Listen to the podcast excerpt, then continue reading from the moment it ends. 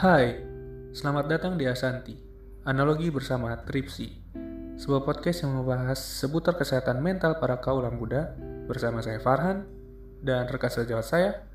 Dan inilah Asanti, analogi bersama Tripsi. Selamat mendengarkan. Halo Tripzen, gimana kabarnya? Semoga kabar baik selalu menyertai ya.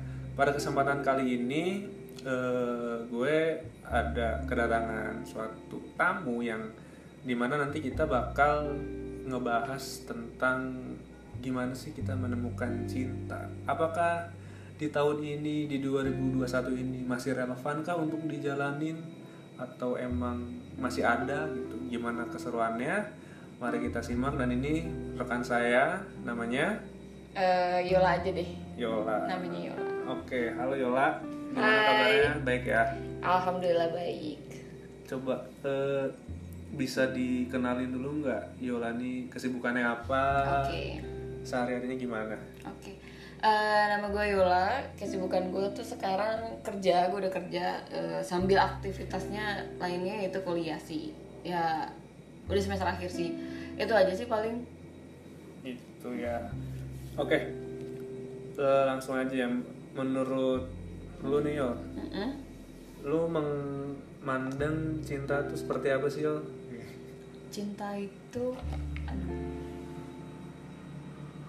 Eh, cinta menurut gue tuh general ya kalau misalkan diminta eh, definisinya secara spesifik gue sendiri belum tahu itu apa cuma kalau general itu cinta itu eh, lebih ke menjaga Oke. sama eh, memberi apa yang eh, kita sukai Tapi menurut lo itu cinta tuh ada? Cin- cinta itu ada tapi cinta tuh bukan sesuatu yang bisa dipegang cinta itu butuh feel untuk Oke. di eh, diyakini bahwa keberatannya itu ada jadi orang-orang yang tanda kutip tidak punya perasa tidak bisa merasakan itu nggak akan nganggap cinta itu ada Hmm, menarik sih. ya Soalnya gue kayaknya sedang merasakan hal itu sepertinya. oke Oke oke berarti eh, tapi gini, kalau misalkan hubungan seksual termasuk cinta nggak menurut lo? Hmm, Ini nggak ada tabu-tabuan ya di sini ini. oke se- boleh nih Open Eh, aja, seksual open mind. gimana dulu nih karena seks, eh, seksual juga ada yang berangkat dari cinta ada yang berangkat dari nafsu Wah bener juga.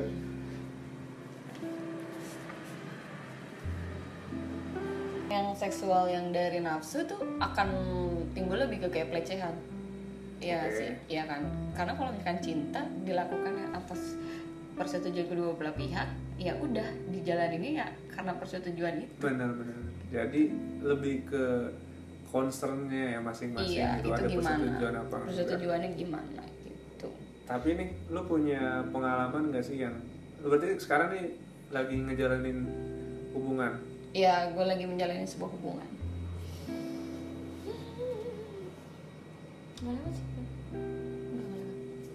Resmi nih. Iya, resmi karena di situ ada sebuah pernyataan Oh, atau iya. per- pertanyaan yang membutuhkan pernyataan. Iya, iya. Gitu. Jadi ya mungkin ini hubungan resmi, walaupun belum ada ikatan eh, hitam di atas putih, tanda Oh, tangan betul, masuk betul. KUA ya. Hmm, hmm, hmm, hmm, Ya. hmm. Coba eh, menurut lu gini, gue mau nanya satu hal sih. Gimana lu bisa sampai di titik ini gitu kayak sorry buat pendengar sebelumnya nih Yola tuh temen gua eh, udah cukup kenal lama sih. Eh, bisa dibilang dia tuh susah sekali menemukan pasangan ya. Iya. Bukan susah sih lebih tepatnya. Kayak misalnya Dapet sih gampang, cuma nemu yang si gampang. nggak masih gini. Tapi emang ya dapet sih gampang, cuma untuk yang benar-benar ngeklik dan satu Sejalan. arah, iya itu Susah. susah. Karena cinta itu searah kan. Iya. Iya. Eh, Nggak, nggak, juga sih. cinta itu searah menurut gua. Oke oke. Coba coba. Coba lu ceritain gimana lu sampai ke titik ini. Perjalanan lu apa aja sih yang lu udah pernah Apa aja? Apa aja yang lu yang udah lu lewatin yang akhirnya lu bisa kayak sekarang gitu. Lu bisa bagiin cerita ini ke trip zen. Oke. eh balik lagi ke konsep gue menurut gue cinta itu satu arah. Itu karena satu arah itu berarti gue harus menemukan partner yang benar-benar tujuannya sama. Karena gue menjalin hubungan itu pasti punya tujuan. Hmm. Ya, tujuannya kan bukan hanya kayak kamu mau jadi pacar aku nggak setelah itu kita nggak ada planning selanjutnya Oh, searah yang lu maksud berarti Sarah yang maksud tujuan sejalan. tujuan yang sama Ah, iya searah. Seprinsip lah ya bisa dibilang. Iya bisa dibilang kayak gitu. Terus walaupun cinta searah juga kan karena kita ini dua makhluk hidup yang punya karakter yang beda, sifat yang beda, dan kemampuan berpikir yang beda. Oke. Akhirnya di situ kan eh, ada yang namanya sebuah kompromi. Betul. Ya kan? Mungkin di awal ya kita merasa cocok. Wah dia tipe gue nih, Hmm. gue juga tipe dia nih. Pacaran cocok kali ya. Tapi pada kenyataannya setelah dijalani kita mungkin punya arah yang sama tapi jalan yang berbeda. Nah, di sini kan dibutuh yang namanya eh, kompromi. Nah, saat kompromi itu tidak bisa diciptakan, gue merasa kalau ini tidak bisa dilanjutkan. Jadi- Itulah kenapa tadi gue bilang gampang untuk nyari Iya. yang searah, tapi untuk yang cocok tuh susah. Bener bener bener Ya. bener bener. Di situ, kalau misalkan lihat eh, ya teman-teman gue mungkin tahu kayak gue pacaran gak pernah lama. Kayak paling lama tuh Ya itu faktanya sih. Iya. Pacaran tuh paling lama tuh kayak tiga bulan, dua bulan, empat bulan. Gue pacaran paling lama itu dua tahun. Sorry, pacaran apa magang bu? Aduh, saya pengen ini tapi ya udahlah. ya itu. Oke. Tiga bulan, tiga bulan, tiga bulan. Kenapa kan? Kenapa secepat itu dan kayak segampang itu? Mungkin ada orang yang bilang hubungan itu sakral.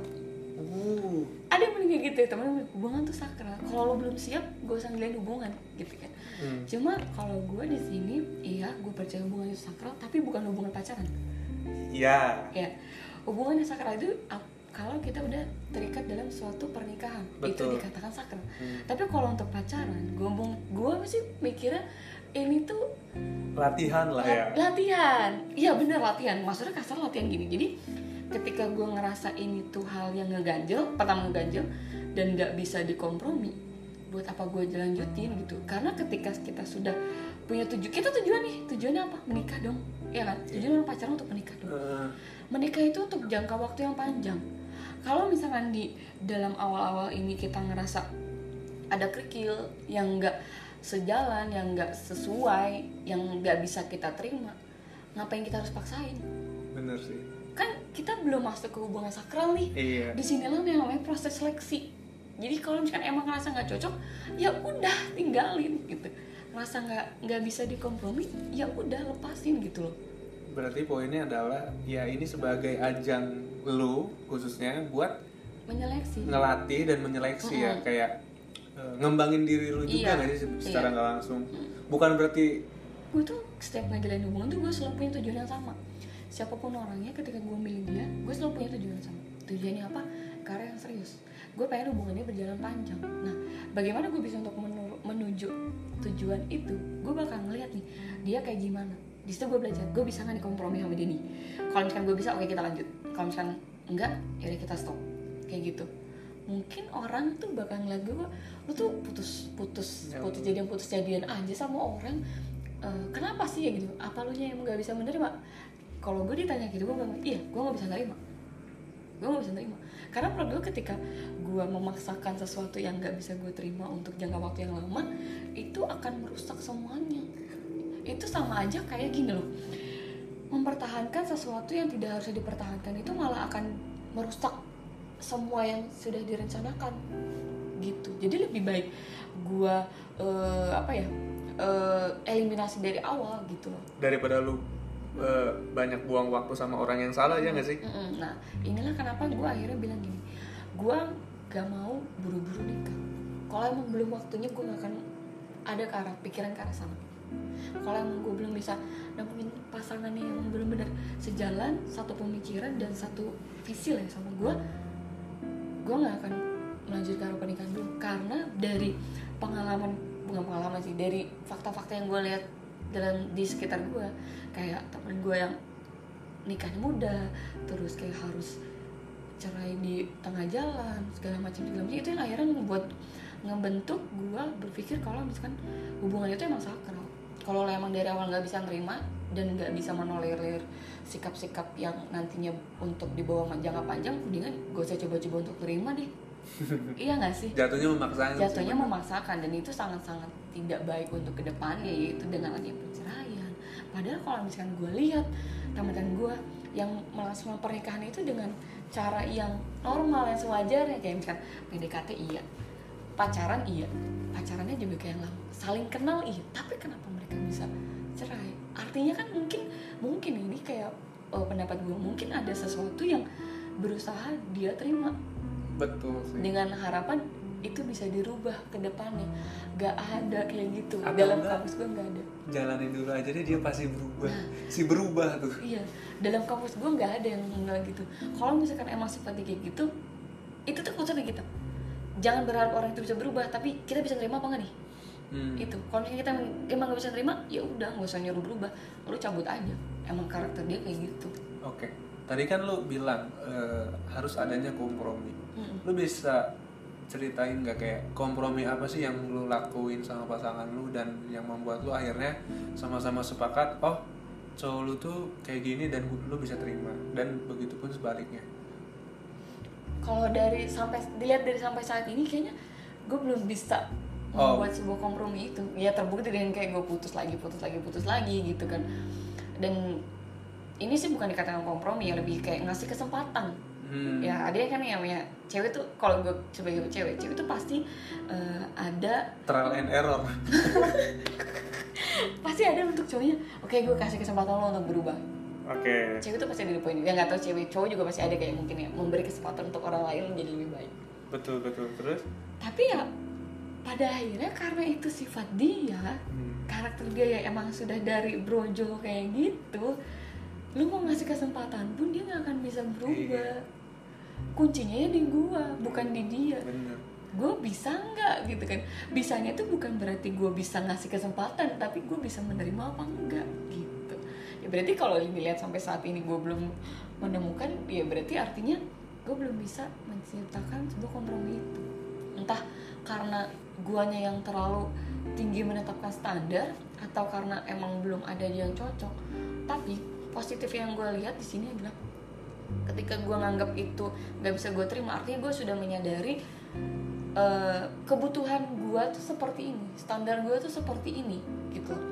Gue tahu gue paham betul gue tuh orangnya kayak gimana jadi gue butuh orang-orang yang seperti ini untuk bisa masuk ke gue berarti untuk kasus ini lu udah paham betul apa kan yes diri lu yes. Gue udah ngerasanya gitu. punya self awareness yang gue cukup ngerasanya gitu. Kayak misalkan contoh kecil aja.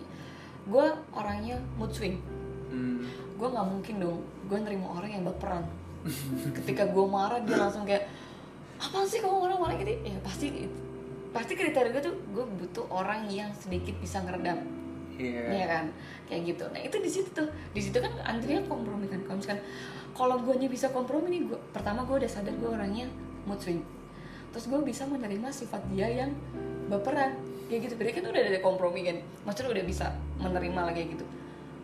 Tapi kan itu ya udah kalau udah kompromi lu gak akan masalah gitu. Ketika gue marah dan dia tidak dan dia malah menyambutnya gitu gak akan ada timbul suatu masalah nantinya. Tapi Hmm. ketika gue nggak bisa kompromi gue lagi mood swing dia kayak gitu ya bakal malah jadi bom Bener, bakal bener, pecah bener. gitu. Alih-alih lu bisa nerima maksa-maksain nerima taunya lu hanya terpenjara oleh keputusan yang lu ambil ya ya nggak? iya itu.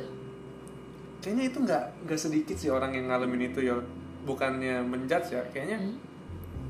ada or- ada beberapa ya dari teman-teman gua misalnya kayak tiha- eh, memiliki suatu hubungan gitu ya mau itu lama mau itu eh, sebentar dan udah istilahnya dibilang mau ke ni- menikah gitu untuk ke jalan menikah dia masih kayak ber apa ya berputar di masalah egonya si pasangan masing-masing Hmm, gitu hmm. kayak dia masih nggak terima kok dia begini sih padahal Hmm. ya Terus udah mau tunangan. nikah iya harusnya gitu. lu udah paham ini dan harusnya lu udah nggak mikirin ini. itu lu harusnya punya kayak misalnya eh, financial planning mau apa harus ada hal yang lebih penting dari itu gitu.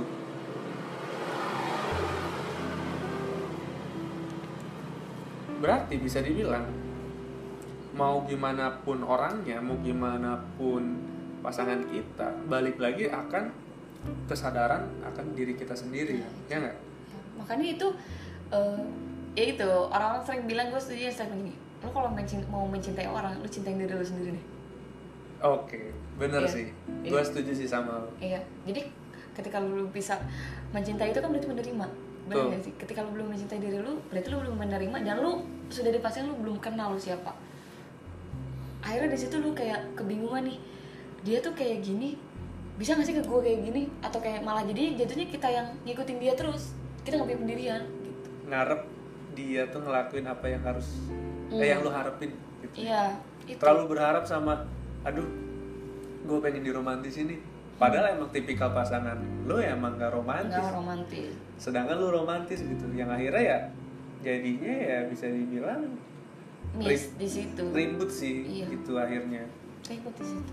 Jadi karena ya kita juga nggak tahu kita gimana orangnya jadi kita jadinya jatuhnya kayak menerka-nerka eh gue ini kita Ah. seneng kali ya gitu. Si si GR jadi kayak gitu.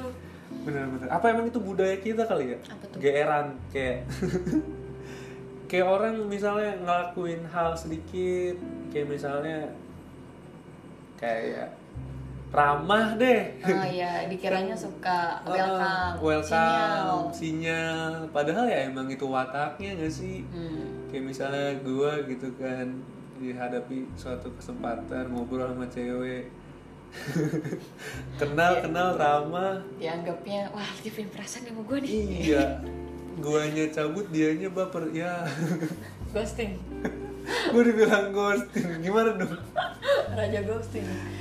Kalau masalah itu kan kalau balik lagi kalau kalau kasus kayak gini menurut gue dia tuh kurang mengenali berbagai macam karakter orang. Jadi kayak eh, dia tuh lingkungan dia terlalu sempit untuk memahami bahwa banyak banget di dunia ini karakter orang. Jadi kayak yang dia tahu ya orang yang welcome ke kita ya dia suka sama kita. Dia nggak tahu kalau orang yang welcome ke kita ya karena emang itu diri dia yang sifatnya welcome gitu. Loh bener sih. Jadi kayak kurang mengenali gitu. Nah kurang explore mungkin nah ya. kurang explore. Nah maka dari situ dengan gue menjalin hubungan yang banyak.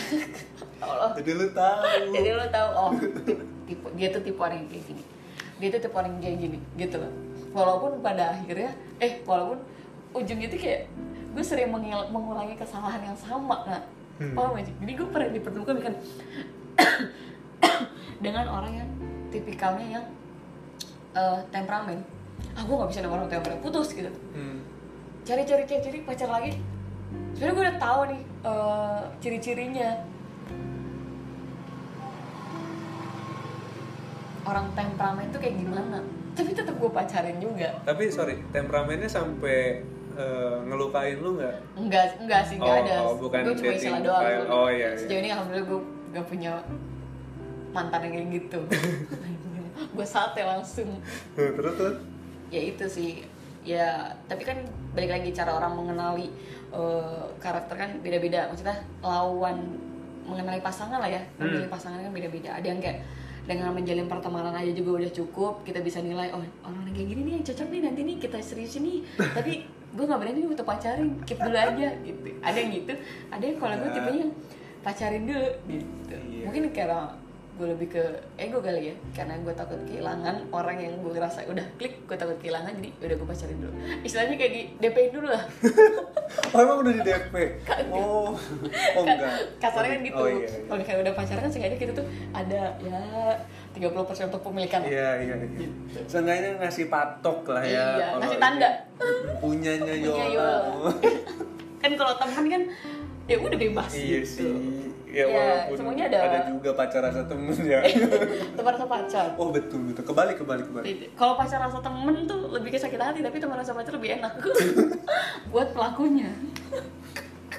Oke oke, cukup menarik sih perjalanan lu. Cuman eh, ada satu hal lagi sih yang pengen gue tanya. apa tuh? Eh, lu punya batasan nggak ketika lu sudah menemukan pasangan lu gitu misalnya? Kayak lu ada batas privasi kah? Atau lu ya udah lu terbuka aja jor-joran sama pasangan lu? apa lu tetap punya privasi sama pasangan lu gitu? Kalau gue sih kalau gue udah ngerasa dia ini gue bakal terbuka seterbuka bukanya. Karena gue tuh tipe orang yang nggak bisa terbuka sama orang baru. Pernah- pa- paham nggak? Mm-mm. jadi ketika gue udah trust gue udah yakin dia nih eh, Taruh, touring cuy naik ride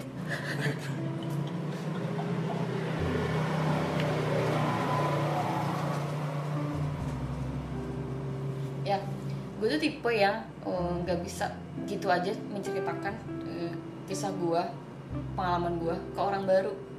Walaupun itu kayak kita sering main segala macem Iya. gue jadi teman curhat dia segala macem gue nggak bisa buka obrolan tentang gue nggak bisa sama sekali tapi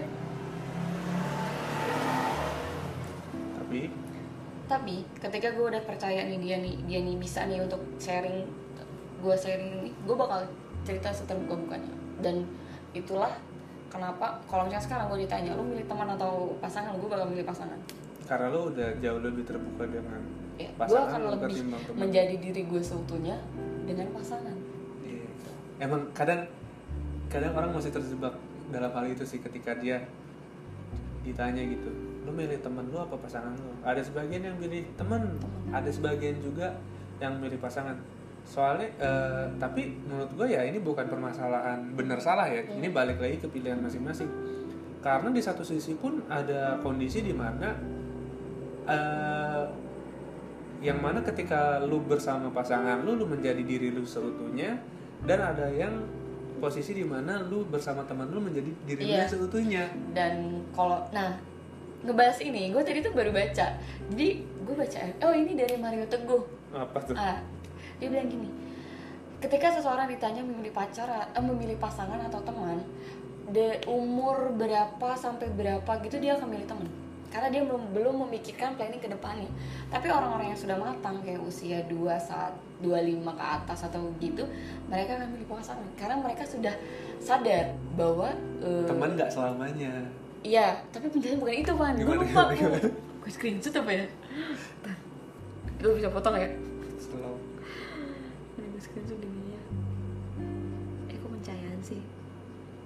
Jangan Diki masih ada juga Hari itu gue masih ada kayaknya. Nih, nih, nih, nih, nih, nih. Nah, jawab eh, anak muda yang masih muda sekali akan memilih teman daripada kekasih karena dia belum mengerti apa itu cinta. Yang dirasakan hanyalah cinta monyet-monyetan. yang enggak yang enggak sesungguhnya, ngerti gak sih? Iya, paham, paham. Nah, anak muda yang sudah lebih mapan, sikap dan pandangannya tentang masa depan akan melihat kekasih sebagai teman yang mendampinginya membangun kehidupan yang baik.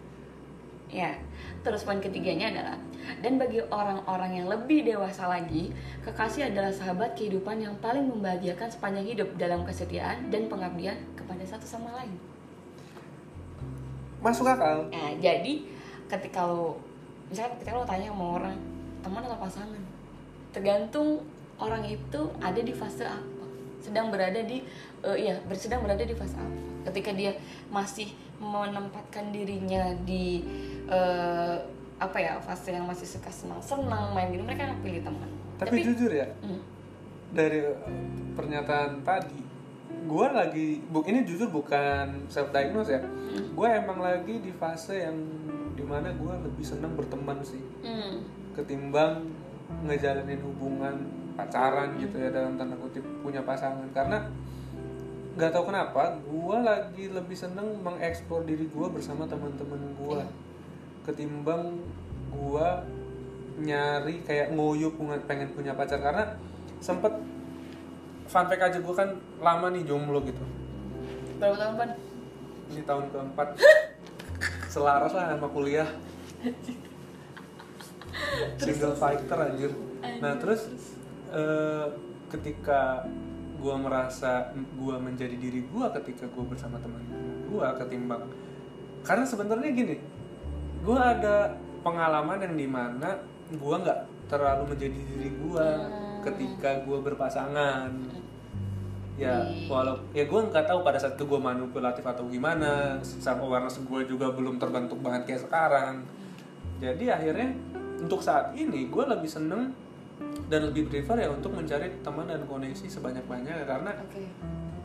ya gue sih pengen have fun gitu. Gue nggak bukan gue menghindari tanggung jawab ya cuman gue puas puasin dulu nih.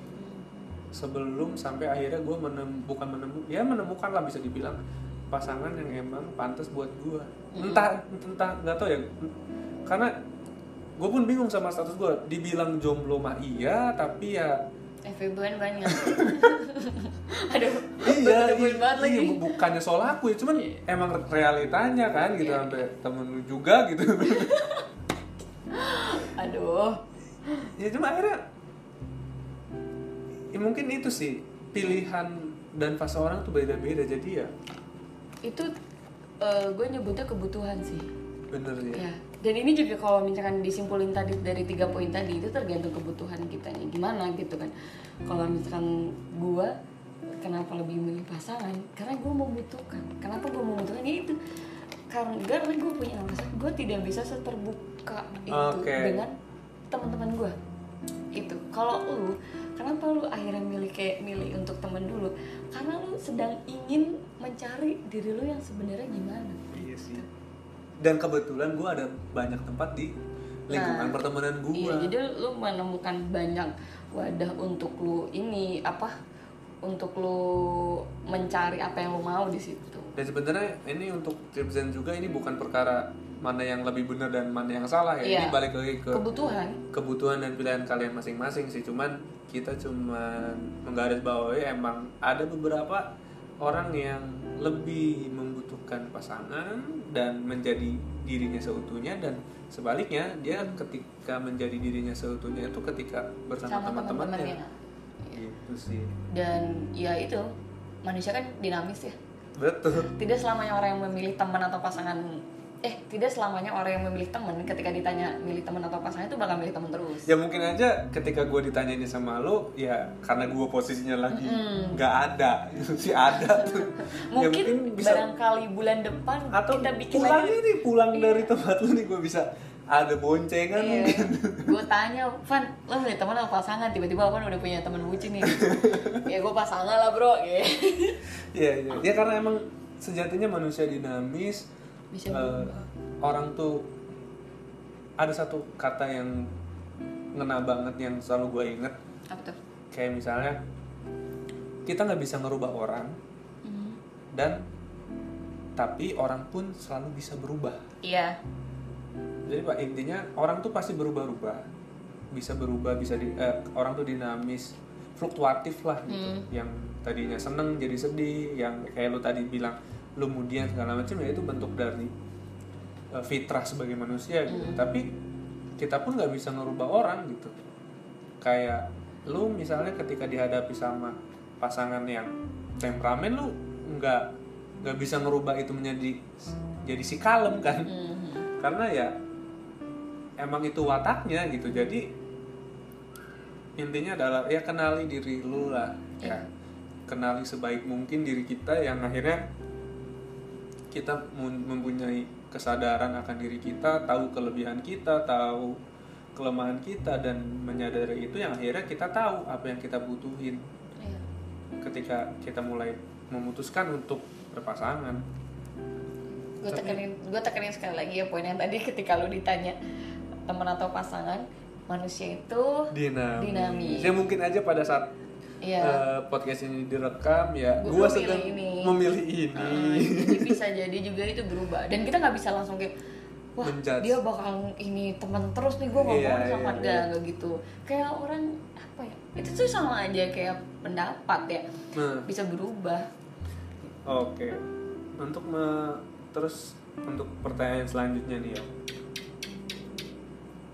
Kalau menurut lu nih, ada eh, pandangan lu mengenai FWB itu seperti apa sih, Yol? Kan kayaknya lagi marak nih Mm-mm. statusnya sih nggak pacaran tapi kok kita berasa kayak pacaran ya Hmm. keluar eh, terus apa keluar bareng terus maksudnya jalan bareng bukan kalau keluar bareng sih Aduh. ke mana-mana bareng Iya, selalu iya. nanyain kabar selalu ya menghabiskan waktu bersama tapi eh, di situ-situ aja gitu pernah eh, menurut lu gimana sih tentang FWB apa lu pernahkah melakukan itu atau emang lu punya pandangan lain mungkin ini ter- sebenarnya pengertian FVB sendiri tergantung lo ngeliat dari mananya ya Iya.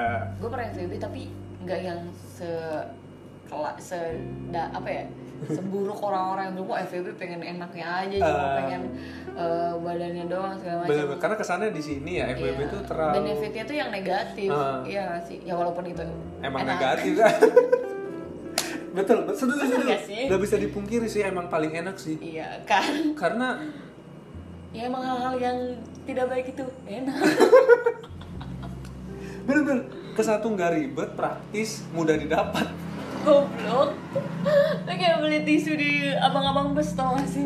Ya terlepas bener salah ya ini sorry. Di Iya. sini kita nggak ada bener salah ya ini ketepatan kita aja dalam Iya. bersikap sini. itu tergantung. Gue pernah FVB gue pernah FVB yang tapi itu menurut gue FVB itu eh, persetujuan kedua belah pihak.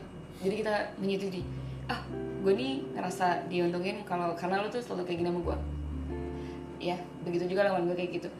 Ya udah kita jalan dan ya bener-bener friends benefit yang positif ya maksudnya gue nggak yang gue gue aja malah baru tahu setelah gue ini lebih dalam FWB apa anjing ternyata ada makna lebih suramnya juga nih FWB menurut gue FWB tuh fun menurut gue kayak lu ngelakuin aktivitas sama orang yang sama-sama menyukai itu. Dan kita tuh saling menguntungkan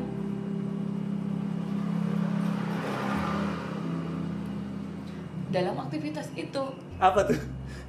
dulu sih gue aktivitasnya kayak sering main nongkrong Ya. nongkrong nonton. Ya aktivitasnya gitu-gitu aja kayak temen chattingan. Udah. Tapi ketika itu udah udah salah satunya ada yang ngerasa udah wah kayak udah mulai baper nih. Hmm, itu harus diungkapin. Karena? Karena ya FBB tuh menurut gue gak ada rasa sih. Cuma karena kita sama-sama punya sebuah eh, ketertarikan yang sama aja ya mungkin ya mungkin. Kalau untuk makna yang negatif ketertarikan yang sama dalam dalam hal itu. Berhubungan seksual? Iya. Bisa jadi. Bener gak bener sih. karena lu ya sama-sama sange anak aja. Jadi yaudah kita FBB aja. Atau enggak itu sebuah jalan pintas untuk orang-orang yang gak mau ribet akan hal drama berpacaran mungkin ya.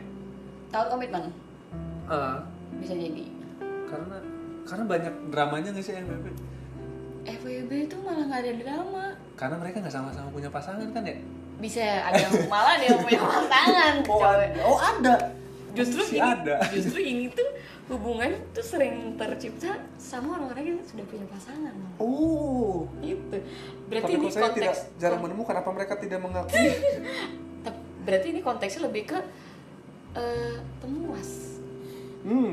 paham gak jadi Hmm. lu pacaran nih pasti ada hal-hal yang tidak terpuaskan sama pasangan Tidak terpenuhi sih. Terpenuhi, tidak puas Kayak kesannya gimana ya? maaf kok maaf tadi lu udah bawa bawa ke arah sana Oh iya nggak apa-apa nggak apa-apa. Ya, terpenuhi jadi ketika lo menemukan orang lain yang bisa memenuhi itu eh lu jadi kita FBB itulah benefitnya Hmm, masuk akal sih masuk akal. ya Ya karena jujur ya, ya gue pun ya, pernah sih beberapa kesempatan yang pernah gue dapetin lebih ke kayak gitu. Yang akhirnya gue pun bilang, dibilang pacaran sih enggak, cuman lagi magang karena durasinya itu kan cuman tiga bulan tiga bulan, enam bulan ganti-ganti. untuk Kayak bukan empat bulan satu bulan Iya, nggak ada gitu. lagi Satu bulan apa sih?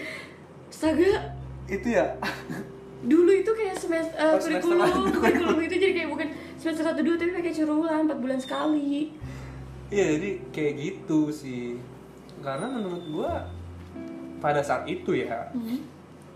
Emang itu hal yang nggak membuat gua ri- ribet. Ya gitu. Jadi pintasnya ya itu FPB itu bisa jadi menghindari sebuah komitmen juga. Jadi dia nggak nggak perlu bertanggung jawab atas sikap dia. Maksudnya kan kalau orang menjalin hubungan kan pasti ada pertanggungjawaban pertanggungjawaban yang harus lo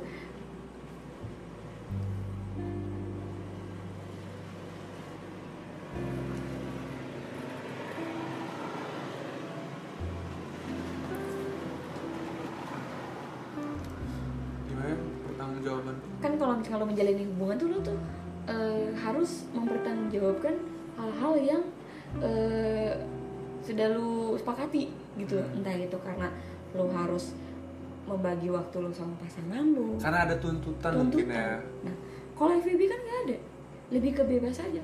Kalau lo mau hubungin gue, anjing. Bener gak sih? Hmm. ini kayak lu butuh gue lu hubungin gue kalau misalnya kayak udah kita as a friend aja karena kan friends with benefit gitu Tapi itu membuat kita menjadi dengan melakukan FWB, apakah itu membuat kita menjadi nggak punya rasa atau mati rasa nggak sih akhirnya? menurut gue iya Itu bakal menjadi bumerang kali ya. menurut gue ya karena di situ kita tuh bakal Bias. kesulitan untuk Jadi bias ya mana Iya. yang emang komitmen sama Iya. bias sama perasaan sendiri sih lebih nah itu tepatnya.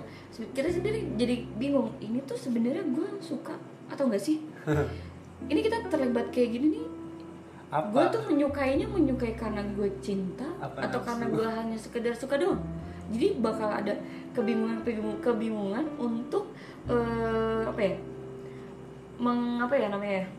Mengkategorikankah? bukan mengkategorikan namanya men, bukan definisi mengartikan sebuah rasa karena kita terbiasa untuk kayak ah enggak lah kita cuma FVB doang nggak mungkin ada rasa terlalu banyak kayak penolakan tentang rasa kan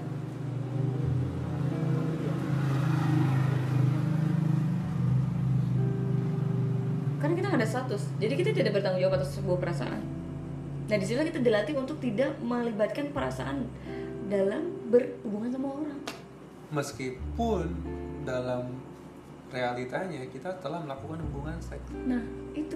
Tapi kita ada rasa. Bukan gak ada rasa. Mungkin ada rasa tapi kita denial. Iya, kita mendem ya. Kita mendem. Kita nahan itu untuk tidak disalurkan. Sebenarnya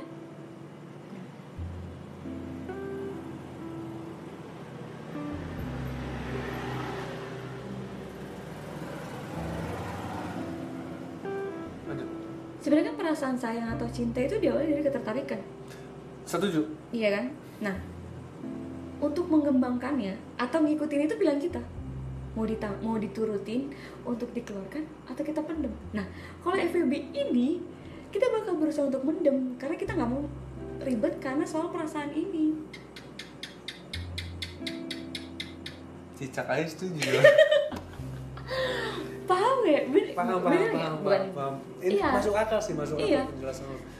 Ya itu sebenarnya orang kalau misalkan makannya gue nggak nggak setuju sih kalau misalkan misalkan ada orang cewek cowok berteman nggak melibatkan perasaan bullshit Bullshit ya. itu karena pilihan mereka untuk tidak untuk menumbuhkannya atau mengungkapkan. enggak iya menumbuhkannya atau enggak sih lebih tepatnya Karena emang perasaan juga bisa ditumbuhkan ya nah nyatanya. iya perasaan itu ada eh manusia kan makhluk yang memiliki Berperasaan. perasaan makanya kan untuk kita bisa milih untuk menumbuhkan perasaan itu atau enggak gitu Ya, sama halnya itulah. kita misalkan gini lu disukain sama orang tapi lu nggak suka sama orang itu kalau lu bakal tetap ber apa ya berpegang Nolak. teguh untuk nggak gue nggak mau ada perasaan ini ngapain gue nggak suka tapi coba kalau lu kayak membuka sedikit perasaan itu akan tumbuh sekecil apa pun itu lu izinkan perasaan untuk tumbuh itu akan tumbuh Lu lagi nyeramin gua apa gimana nih?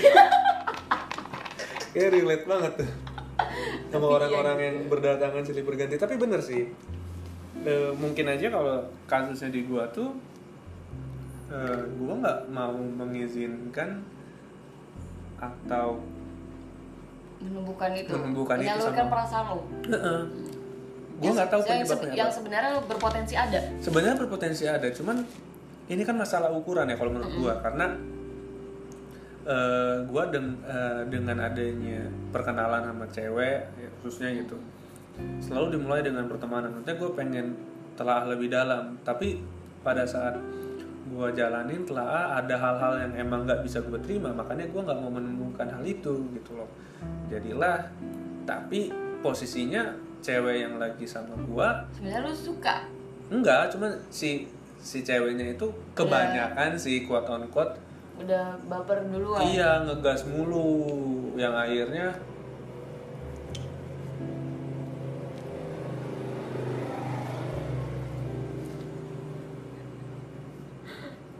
yang akhirnya gua nggak bisa menuhin tuntutannya dia ya jadinya gua nggak mau gitu. Akhirnya gua malah kayak pihak yang disalahin gitu. Kayak entah tukang ghosting lah tukang inilah segala macam. Ya gua sih sebagai diri yang sudah sadar akan dirinya ya ya gua nggak peduli gitu. Karena daripada kesannya gua memaksakan kehendak gua yang akhirnya untuk jadinya cenderung manipulatif sama Mm-mm. orang itu lebih baik gua ya tetap be yourself gitu. Karena nggak sedikit juga orang yang terjebak dalam suatu hubungan karena emang dia udah nggak mau sama hubungan itu. Hmm. Sering terjadi. Iya mungkin. Alasannya? Alasannya? Jen- jenuh. Itu terang-terangan sama gue ya. Ada teman beberapa kawan teman gue lah. Nggak usah disebut namanya ini suat- eh, buat pembelajaran aja ya wahai Tribzen bukan untuk menjudging atau segala macam karena eh, kita tuh pengen ngobrolnya sesuai realita yang ada gitu karena ada halnya jenuh gitu Hmm. kayak halnya gini gue mikirnya kalau emang lu jenuh kenapa harus lu putusin hubungan itu Lanjutin. eh iya kena Iya, kenapa lo harus lanjutin? Kenapa lo nggak cabut aja? Apa gimana? Ah, maksudnya memutuskan untuk ada di hubungan itu terus Ah, kan? ah. Kenapa nggak cabut aja? Iya. Atau enggak ada yang salah ketika lu melakukan pendekatan di awal gitu. Hmm. Kalau emang gimana ya? Ketidakcocokan itu yang akhirnya keluar setelah menjalani hubungan. Iya. Iya emang sih untuk tiga bulan pertama, enam bulan pertama lu nggak bakal menemukan kayak yang namanya keanehan lalu pasti dimabukkan oleh yang namanya rasa suka lah gitu kan kayak anjing nih akhirnya gue menemukan apa yang gue inginkan ah bullshit bro Iya, iya. Jadi coba mungkin setahun pertama, dua tahun pert- eh, kedua, ketiga, keempat, lu juga akan lah apa ya menemukan kayak kayak ini makin ngeselin deh. Kok udah mulai ngebohong? Tapi tapi kalau misalnya udah selama itu sih menurut gua Harusnya sih nggak ada kata jenuh ya. Masalah itunya sih. Justru kayak gini kayak gini munculnya dari awal menurut gua kan. Bisa juga sih, Kalau yang balik lagi ke orang itu- masing-masing. Kalau di akhir-akhir hubungan yang udah lama tuh lebih ke kayak nyesel ya ngerti gak sih? Tuh. Atau enggak ada tuntutan yang nggak bisa dipenuhi sama salah satunya. Apa tuh misalkan? Seks mungkin. Oh iya, akhirnya dia ngerasa gimana gitu.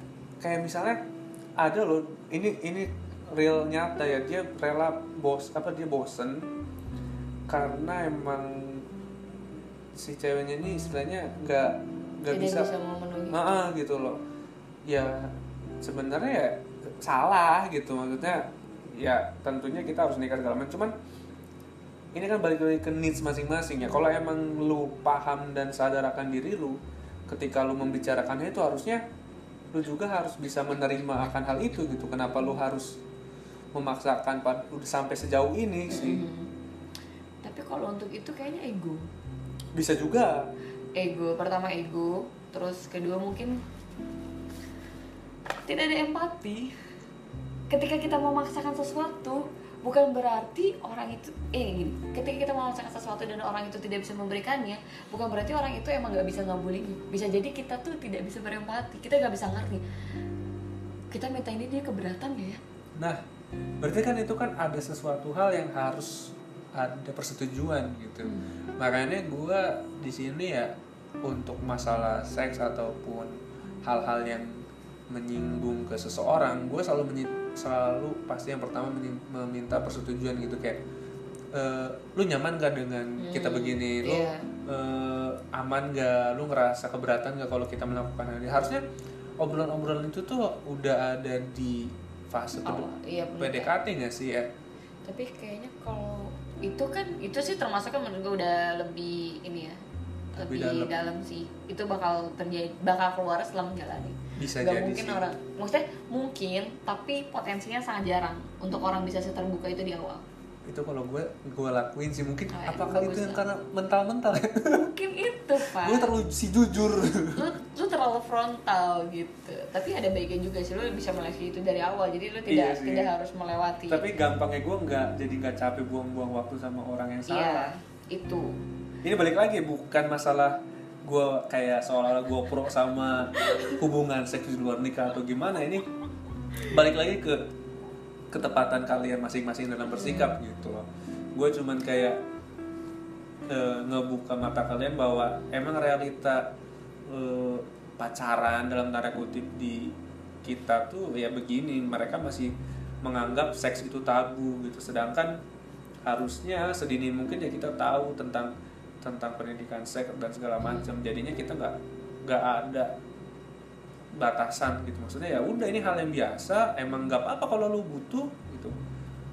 Itu sesuatu yang wajar sih gitu. Mungkin tadi kayak pembahasan yang lo bilang eh, masalah seks itu dibahas di bawah kita kesampingin seksnya aja kita ambil poinnya gini. Kesiapan kita untuk eh, memperkenalkan diri kita yang sebenarnya itu kapan? Apakah setelah menjalaninya atau di awal hubungan? Paham nggak? Hmm. seks itu mungkin kayak poin runtutannya Iya. tapi eh, garis besarnya adalah bagaimana kita memperkenalkan diri kita. Mau dari awal dikasih tahu kalau baik buruknya kita di awal atau dengan berjalannya waktu. Itu sih. Tapi ya intinya sebagaimanapun keadaannya ya poinnya balik ke diri kita sih Iya. ya kan? Maksudnya seberapa kenal diri kita dulu gitu. Betul. dan apa yang lu tadi bilang kayak eh, balik lagi ketika lu udah bisa menyintai diri lu dengan segala kekurangan dan kelebihannya ya lu eh, secara nggak langsung pun udah bisa mulai untuk mencintai orang lain atau bisa berpasangan sih kalau menurut gua ya. Jadi untuk teman-teman di sini juga yang masih bingung atau bimbang dengan keadaan yang sekarang ya nggak masalah jalanin dulu aja. Bukan jalanin dulu aja kayak terima dulu gitu kayak sambil menggali potensi apa yang ada dalam diri kalian kenali lebih dekat diri kalian itu seperti apa kebutuhan apa yang emang kalian butuhin. Sam- dan juga jangan cepet terlalu percaya sama orang sih. Karena kayaknya yang anjing tuh yang awal-awal doang sih ya. Iya, awalnya manis kita dibikin. Oh iya ini ngomong-ngomong yang awalnya yang manis kayak gini itu sebenarnya kita gimana akhirnya sama pasangan tuh tergantung kita di treat di awal. Hmm. Treatment treatment itulah yang akan yang pada akhirnya akan menjadi sebuah kebiasaan. Misalkan lo pacaran sama gue lo tuh dari awal nge-treat sebagai oh kalau gue ke mana-mana lo bakal anter gue ketika lo nggak bisa nganter di situ. di situ gue bakal kenapa kamu bisa nganter? Kok kamu nggak nganter? Biasa gue kamu nganter. Jadi itu yang Iya. awalnya sebuah apa ya eh, keinginan untuk ini jadi malah kayak keharusan. Tuh sih. Nah menurut itu siapa yang salah? Si cowoknya sih karena eh, dia nggak bisa ngasih pengertian sama ceweknya. Atau enggak dua-duanya sih bisa dua-duanya jadi. salah menurut gue dua-duanya ya? Dua-duanya menurut gue salah. Karena emang mereka nggak punya kontrol akan keada suatu keadaan gitu. Iya yang pertama cowoknya. Sebenarnya lu ngelakuin itu tuh lu terbebani banget sih? Kalau dari awal lu cuma pengen dapet eh, kesan yang baik mending gak usah. Tuh apa ya? Kesan yang baik itu tidak harus diciptakan menurut gue ngalir ya? Itu tuh bakal ada dengan sendirinya sama halnya kayak misalkan image lu buruk di orang-orang. Lo nggak usah sibuk-sibuk lo bangun im- bagus Image. image bagus. Orang yang bisa menerima lo dengan tulus gak bakal ngeliat itu. Bener sih. Setuju sih gua. Karena banyak sih eh, gua pun mengalami hal seperti itu kayak gua dicap inilah dicap itulah karena banyak kolega banyak rekan sejawat gitu yang akhirnya awal-awalnya sih emang gua sadarin agak mengganggu gitu. Kayak gua anjing ternyata gua sebegininya di ditolak gitu sama orang gitu dari sebagian orang. Tapi pada akhirnya gue pun berpikir bahwa ngapain juga gue peduliin gitu. Emang ini gue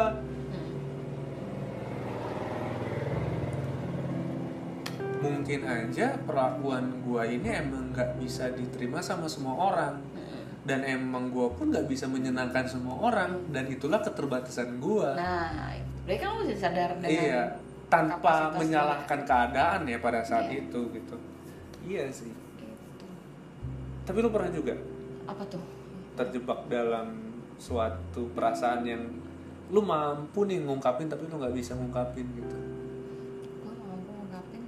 maksudnya gimana nih? Lu sebenarnya bisa ngungkapin tapi lu terpendam. Gitu enggak sih. Nggak pernah ya? Gak pernah. Tapi kebanyakan lawan lu.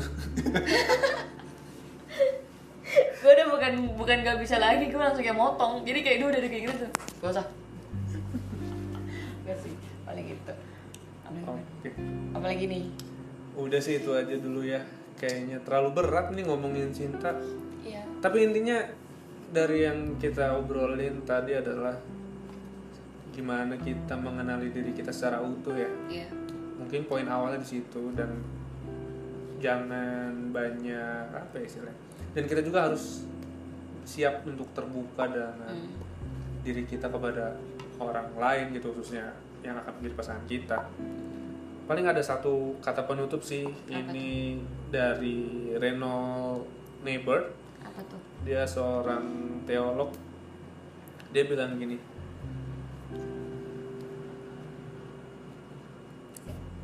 Berikan saya ketenangan untuk menerima apa yang tidak bisa saya ubah. Keberanian untuk mengubah apa yang bisa saya ubah. Dan kebijaksanaan untuk tahu perbedaan antara keduanya. Itu yang dibilang oleh Reno Neighbor jadi intinya ya udah ketika ada hal yang emang gak bisa kita rubah ya terima gitu. Hmm. kasih kita ruang untuk menerima dan ketenangan itu. Dan kita fokus terhadap apa yang bisa kita lakuin dan kita ubah. Gitu sih. Jadi di mana pun Tripzen berada pada saat ini dan di mana di titik apa pun yang kalian lagi alami ya ya udah. Terima. Terima aja dan sekiranya emang bisa rubah ya rubah gitu jadi jangan pernah menyalahkan keadaan dan jangan juga menyalahkan pihak mana pun. Ya lebih baik kita mengkoreksi diri kita ketimbang menyalahkan. Itu aja sih. Sek- sekian dari saya Farhan dan rekan saya. Yola. Terima kasih dan selamat beristirahat